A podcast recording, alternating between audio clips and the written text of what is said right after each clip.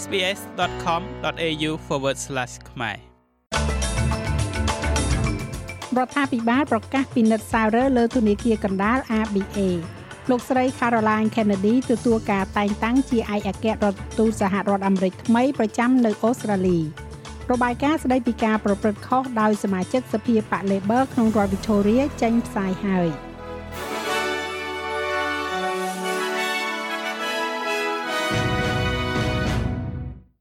រ៉ាញិកសហព័ន្ធបានប្រកាសការពិនិត្យសាររើមកលើធនាគារកណ្ដាលអូស្ត្រាលីហៅកាត់ថា ABA ជាលើកដំបូងនៅក្នុងរយៈពេល4ទសវត្សរ៍មកនេះលោក Jim Chalmers មានប្រសាសន៍ថាការពិនិត្យសាររើឡើងវិញនេះនឹងជួយធានាឲ្យបានថាធនាគារកណ្ដាលធ្វើការមានប្រសិទ្ធភាពនាពេលអនាគតព្រោះ ABA ទំនងជានឹងបន្តដំឡើងអត្រាការប្រាក់បន្ថែមទៀតដើម្បីបណ្ដេញតាមអត្រាអតិផរណា។ ធនាគារកណ្ដាលបានរងការរិះគន់ចំពោះការបង្កើនអត្រាការប្រាក់យ៉ាងគំហុកលោកហេរ៉ាញិកនិយាយថាការពិនិត្យឡើងវិញនេះនឹងធ្វើឡើងដោយអ្នកជំនាញឯករាជ្យចំនួន3ហើយនឹងពិនិត្យមើលលើការអនុវត្តរបស់ធនាគារកណ្ដាលក្នុងការបំពេញទៅតាមគោលដៅគោលនយោបាយសារពើពន្ធនិងរូបិយវត្ថុនិងវិធានការគណនេយ្យភាពរបស់ខ្លួន។ I don't want it to be an exercise in ខ្ញុំមិនចង់ឲ្យវាคล้ายជាលំហាត់ក្នុងការបាញ់ប្រហារឬការស្មានជាលើកទី2នោះទេខ្ញុំមិនចង់ឲ្យវាផ្ដោតទៅលើការសម្លឹងមើលបកក្រោយដោយបន្ទោសលើការផ្លាស់ប្ដូរនោះទេខ្ញុំចង់និយាយយ៉ាងពិតប្រាកដអំពីរបៀបដែលយើងមានធនាគារកណ្ដាលដ៏ល្អបំផុតរបស់ពិភពលោកនាពេលអនាគត។ លោក Philip Lowy ទេសាភិបាលធនាគារកណ្ដាលមានប្រសាសន៍ថាលោកស្វាគមន៍ចំពោះសេចក្តីប្រកាសនៃការពិនិត្យសាររើដោយលោក Heranyck ដែលចូលកាន់តំណែងថ្មីនេះនៅក្នុងសន្ទរកថានៅទីក្រុង Melbourne លោកបានប្រមាលមើលទុកជាមុនអំពីការកើនឡើងអត្រាការប្រាក់បន្ថែមទៀតដើម្បីធ្វើឲ្យអតិផរណាធ្លាក់ចុះលោកបណ្ឌិត Lowy នឹងត្រូវបញ្ចប់អាណត្តិរយៈពេល7ឆ្នាំរបស់លោកនៅឆ្នាំក្រោយ ហើយលោកនិយាយថាលោកនឹងឆ្លើយតបចំពោះការរកឃើញនៃការពិនិត្យសាររើនេះនៅពេលដែលពួកគេចូលមក The terms of reference are appropriate លក្ខខណ្ឌនៃឯកសារយោងគឺសមរម្យហើយរដ្ឋាភិបាលបានតែងតាំងក្រុមដែលមានលំដាប់ថ្នាក់លេខ1ការត្រួតពិនិត្យក៏ត្រូវបានស្វាគមន៍ដោយក្រុមប្រឹក្សាភិបាលធនាគារជាតិនិងបុគ្គលិករបស់ធនាគារផងដែរ វាគឺជាឱកាសមួយដើម្បីទទួលយកការវាយតម្លៃលើការរៀបចំគោលនយោបាយរូបិយវត្ថុរបស់យើងនិងធ្វើឲ្យប្រកាសថាវាស័ក្តិសមទៅនឹងគោលបំណងសម្រាប់បញ្ហាប្រឈមខាងមុខក្នុងពេលជាមួយគ្នានេះឯកអគ្គរដ្ឋទូតអាមេរិកប្រចាំនៅប្រទេសអូស្ត្រាលីលោកស្រី Caroline Kennedy នឹងធ្វើដំណើរមកដើម្បីទទួលការតែងតាំងនៅថ្ងៃសុក្រទី22ខែកក្កដានេះ កូនស្រីរបស់អតីតប្រធានាធិបតីសហរដ្ឋអាមេរិកលោក John F Kennedy រូបនេះពីមុនគឺជាឯកអគ្គរដ្ឋទូតសហរដ្ឋអាមេរិកប្រចាំនៅប្រទេសជប៉ុនចន្លោះឆ្នាំ2013និង2017លោកស្រី Kennedy និយាយថាតួនាទីរបស់លោកស្រីនៅក្នុងទីក្រុង Canberra នេះគឺបន្តគេដំណើរផ្ទាល់ខ្លួនរបស់ឪពុកលោកស្រី In 1943នៅក្នុងឆ្នាំ1943ទូកភីធីរបស់ឪពុកខ្ញុំត្រូវបានលេចដោយនាវាពិឃាតជប៉ុន ប្រសិនបើមិនមានជំនួយពីអ្នកកោះសូឡូមុន2នាក់និងអ្នកឃ្លាំមើលឆ្នេរសមុទ្រអូស្ត្រាលីទេគាត់និងនាវិករបស់គាត់នឹងមិននៅរស់រានមានជីវិតទេគាត់ចង់ក្លាយជាប្រធានាធិបតីដំបូងគេដែលមកលេងប្រទេសអូស្ត្រាលីដូច្នេះខ្ញុំមានកិត្តិយសណាស់ដែលបានយកគេដំណើររបស់គាត់បន្តទៅមុខតាមរបៀបដ៏តូចតាចរបស់ខ្ញុំរដ្ឋាភិបាលសហរដ្ឋអាមេរិកនិយាយថាការតែងតាំងលោកស្រី Kennedy គឺជាការបញ្ជាក់ដ៏រឹងមាំមួយទៀត នៃការបដិញ្ញាចិត្តរបស់ប្រធានាធិបតីលោកโจ Biden ចំពោះសម្ព័ន្ធភាពអាមេរិកអូស្ត្រាលីក្នុងពេលដ៏សំខាន់សម្រាប់តំបន់ Indo-Pacific ហើយនឹងធ្វើឲ្យទំនាក់ទំនងទ្វេភាគីកាន់តែស៊ីជម្រៅនៅគ្រប់កម្រិតទាំងអស់ការស៊ើបអង្កេតមួយនៅឯរដ្ឋ Victoria បានរកឃើញថាមានការប្រព្រឹត្តខុសជាច្រើនដោយសមាជិកសភាគណៈបក Labor នៃរដ្ឋនេះប៉ុន្តែគ្មាននរណាម្នាក់នឹងត្រូវបានចោទប្រកាន់ពីបទប្រមទ័ននោះទេ គណៈកម្មាធិការប្រឆាំងអំពើពុករលួយដែលមានមូលដ្ឋានឯករាជ្យទូលំទូលាយដែលគេស្គាល់ថាជា IBAC និងអង្គភាពអំបត្តិស្មិនរបស់រដ្ឋនេះបានចេញផ្សាយនៅរបាយការណ៍រួមមួយ។ វាត្រូវបានគេរកឃើញថាមានការប្រើប្រាស់ធនធានប្រាក់ពន្ធយ៉ាងទូលំទូលាយម៉ត់ចត់និងចេតនាដើម្បីទទួលបាននៅសមាជិកភាពមិនពិតប្រាកដនៅលើសៀវភៅរបស់សាខាបក Labor ក្នុងរដ្ឋ Victoria ដើម្បីផ្ដល់ផលប្រយោជន៍នយោបាយសម្រាប់អ្នកដែលរៀបចំវាឡើង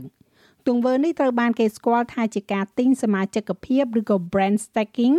ខណៈដែលវាផ្ទុយទៅនឹងច្បាប់របស់គណៈបក Labor ខ្លួនឯងវាមិនមែនជាបទល្មើសព្រហ្មទណ្ឌនោះទេលោកស្រី Debra Glass នៃអង្គភាពឃ្លាំមើល Ombudsman រដ្ឋនិយាយថាផ្នែកមួយនៃបញ្ហានេះគឺថាមានការលាក់ពួនតិចតួចសម្រាប់អ្នកដែលជំទាស់នឹងអាកប្បកិរិយាអសិលធម៌នេះ។ Some elected officers, ministerial staff and aspiring មន្ត្រីរៀបចំការបោះឆ្នោតមន្ត្រីក្រសួងនិងសមាជិកសភាមួយចំនួនមានភាពមិនស្រណុកចិត្តនឹងការងារបពពួកដែលពួកគេត្រូវបានស្នើសុំឲ្យធ្វើប៉ុន្តែបានប្រាប់យើងថាពួកគេមានអារម្មណ៍ថាគ្មានអំណាចនៅក្នុងការតស៊ូគ្មានកន្លែងណាដែលអាចតវ៉ាបានឡើយរហូតមកទល់នឹងពេលនេះរដ្ឋមន្ត្រីចំនួន4រូបបានលាលែងចេញពីតំណែងជំវិញរឿងអាស្រូវនេះ។ រដ្ឋាភិបាលសហព័ន្ធបានអនុម័តការបាញ់បង្ហោះគ្រាប់រ៉ុកែតចំនួន2គ្រាប់នៅក្នុងរដ្ឋអូស្ត្រាលីខាងត្បូងរ៉ុកែត2គ្រាប់នេះនឹងត្រូវបាញ់បង្ហោះពីបរិវេណ Whalers Way នៅ Air Peninsula បេសកកម្មនេះនឹងបង្ហោះគ្រាប់រ៉ុកែតពិសោធន៍ដែលមានឈ្មោះថា Kestrel 1ដើម្បីសាកល្បងការរចនារបស់វាក្រោមលក្ខខណ្ឌប្រតិបត្តិការផ្សេងៗគ្នា។ ការប្រមូលទិន្នន័យសម្លេងរ៉ុកែតកំឡុងពេលបាញ់ក៏នឹងរួមចំណែកជាចំណេះដឹងសម្រាប់ប្រតិបត្តិការនាពេលអនាគតនៃបរិវេណ Whalers Way ផងដែរអ្នកផ្ដល់សេវាយានដ្ឋានលើអាកាស Southern Launch និយាយថាឧស្សាហកម្មអវកាសនេះនឹងផ្ដល់ការងារជំនាញដែលមានប្រាក់ខែខ្ពស់សម្រាប់ប្រជាជនអូស្ត្រាលីនៅតំបន់ជនបទនិងតំបន់ដាច់ស្រយាល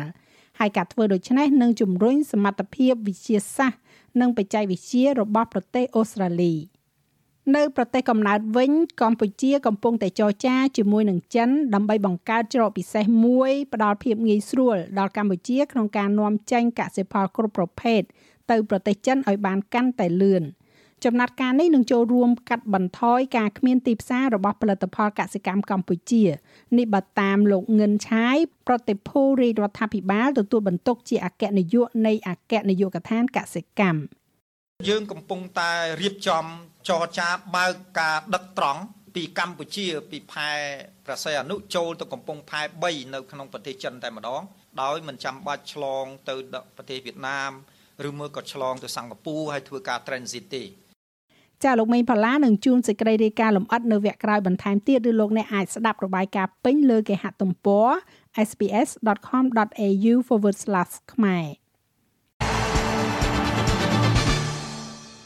ការប្រកួតកីឡាបាល់បោះជាតិ NBL នឹងបំបីរនាំងទំនើបដ៏សំខាន់មួយក្នុងវិស័យកីឡាអូស្ត្រាលីដោយរៀបចំការប្រកួតនៅចំថ្ងៃបុណ្យគ្រីស្មាស់ឆ្នាំនេះ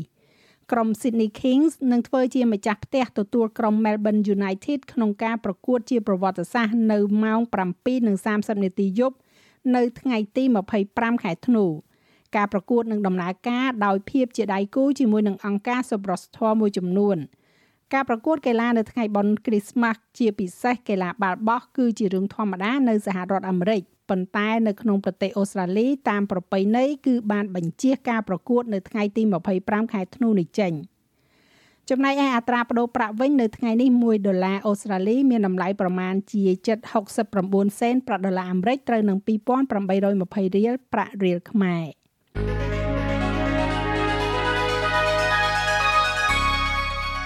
ឥឡូវយើងក៏លេខមកមើលការព្យាករណ៍អាកាសធាតុសម្រាប់ថ្ងៃប្រហ័សស្អែកនេះវិញទីក្រុងផឺតភ្លៀង19អង្សាអាដាលេដភាគច្រើនបើកថ្ងៃ16អង្សា មែលប៊នបើកថ្ងៃ15អង្សា ហូបាតបើកថ្ងៃដូចគ្នា12អង្សា អាចមានរលឹមនៅ Canberra 13អង្សា Sydney រលឹម17អង្សា មានភ្លៀងនៅ Brisbane 18អង្សាពពកដោយពេលនៅ Cairns 27អង្សា បើកថ្ងៃល្អនៅ Darwin 31អង្សា និងមានផ្គររន្ទះនៅភ្នំពេញ31អង្សា